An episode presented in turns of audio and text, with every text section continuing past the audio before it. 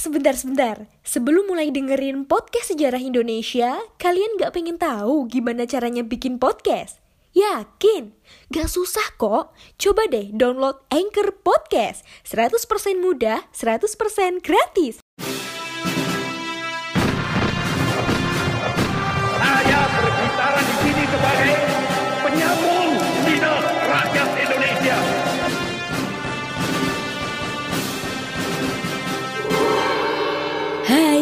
Kalian sedang mendengarkan Poseidon, podcast sejarah Indonesia.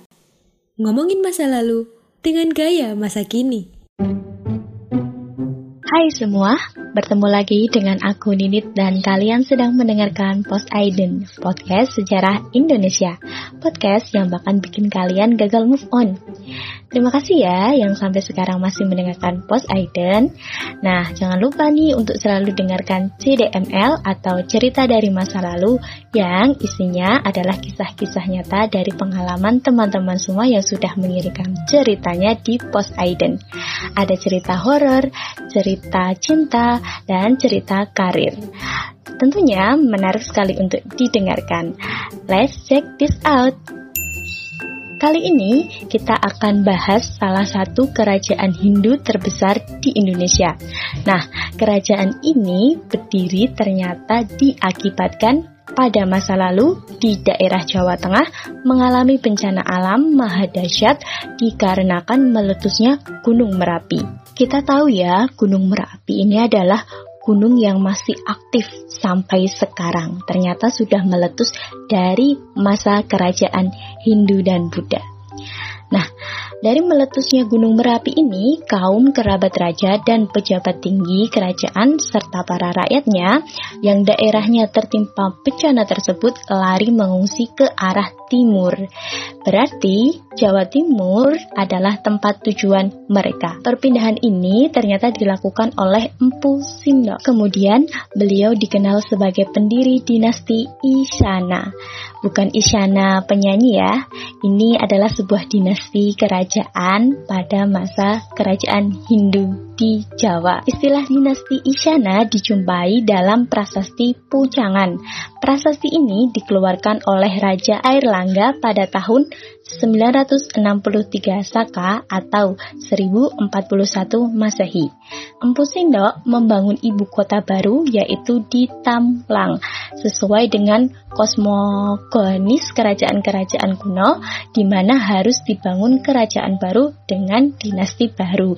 Sehingga Empu Sindok ini membangun dinasti baru bernama Isyana. Empu Sindok membangun kerajaannya dan memerintah bersama-sama dengan permaisurinya. Beberapa prasasti lainnya menyebutkan pada masa pemerintahan negara aman dan tentram. Meskipun menganut Hindu aliran Siwa, ternyata Empu Sindok ini tetap menaruh toleransi yang sangat besar terhadap agama lain.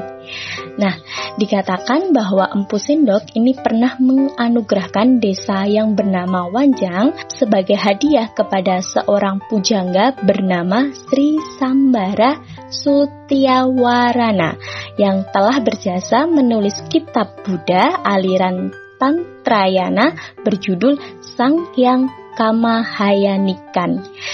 Dengan demikian, bisa kita katakan Empu Sindok memfasilitasi perkembangan agama Buddha Tantrayana, yaitu sinkretisme atau pencampuran antara ajaran Buddha dengan agama Hindu aliran Siwa.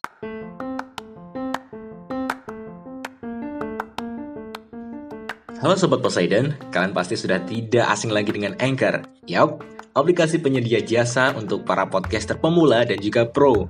Buat kalian yang pengen mulai nge-podcast, langsung download aja Anchor di App Store ataupun di Play Store. Di sana, kalian bisa nge-podcast dengan banyak banget pilihan background musik. Setelah itu, kalian bisa mempromosikan podcast kalian ke mana pun. Secara otomatis, nanti akan di-sharekan oleh Anchor sendiri. So, tunggu apa lagi? Cus, nge-podcast bareng Anchor. Dari zamannya Empu Sendok saja sudah menaruh toleransi yang sangat besar di kerajaannya. Masa kita yang sekarang yang katanya sudah manusia modern dan pintar tidak punya toleransi terhadap ras, suku atau agama lain. Jadi marilah kita menjaga toleransi bersama untuk Indonesia hebat ya. Penguasaan kerajaan Mataram di Jawa Timur setelah Empu Sendok secara berturut-turut ini yaitu digantikan oleh Sri Isyana Tunggawijaya, kemudian Sri Makuta Wangsa Wardana, kemudian Dharma Wangsa, dan yang terakhir adalah Airlangga.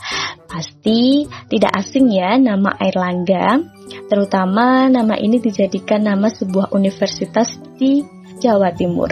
Airlangga ini dinobatkan sebagai raja oleh para pendeta pada tahun 19 Masehi dan membangun pusat kerajaan di Kahuripan atau sekarang itu namanya e, daerah Sidoarjo. Namun, kelak ibu kotanya ini akan dipindahkan lagi ke Daha. Daha itu di daerah Kediri.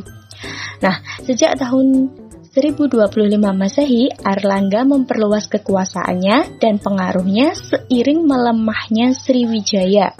Kita tahu Sriwijaya merupakan kerajaan bercorak Buddha terbesar di Indonesia. Langkah pertama yang dilakukan adalah dengan menyusun kekuatan untuk menegakkan kembali kekuasaan dinasti Isyana atas Pulau Jawa. Hal ini terwujud pada tahun 1937 Masehi.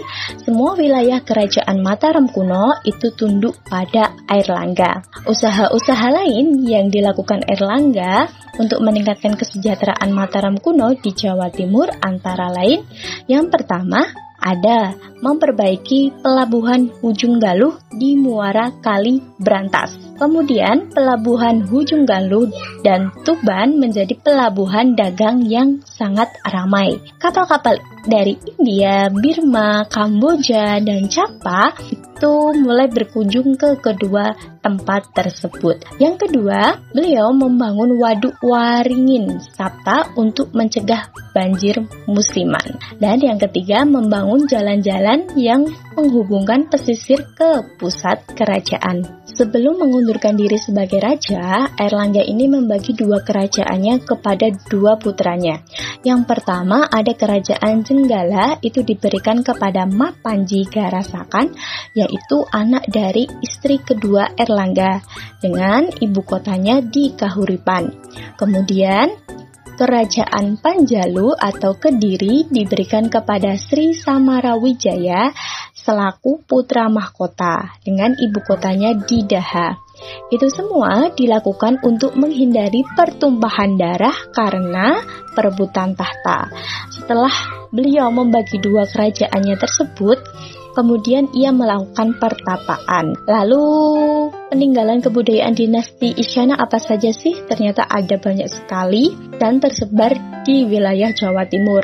Di antaranya ada Candi Lor yang terletak di Brebrek itu di daerah Nganjuk, kemudian ada Candi Gunung Gangsir itu terletak di daerah Bangil, ada Candi Song Goroti terletak di Kota Batu dan Candi Belahan. Selain candi, juga terdapat prasasti-prasasti peninggalan dinasti Isyana. Di antaranya ada prasasti Pujangan, prasasti Hujung Langit, prasasti Empu Sendok, dan prasasti Anjuk Ladang serta prasasti Kalku Puta. Nah, dari dinasti Isaya ini kita patut berbangga ya, ternyata di Indonesia itu memiliki kerajaan Hindu yang besar dan memberikan kemakmuran untuk rakyatnya. Semoga pemerintahan Indonesia bisa belajar dari masa lalu ya dan juga belajar dari sejarah bangsa sendiri agar mampu mengulang kejayaan Indonesia. Oke, tak henti-hentinya aku ingatkan untuk kalian semua agar selalu mematuhi protokol kesehatan dengan memakai masker, mencuci tangan, menjaga jarak dan meminimalisir mobilitas serta ikut mendorong peraturan pemerintah agar COVID-19 itu bisa terselesaikan. Saya Ninit pamit, bye-bye. Terima kasih.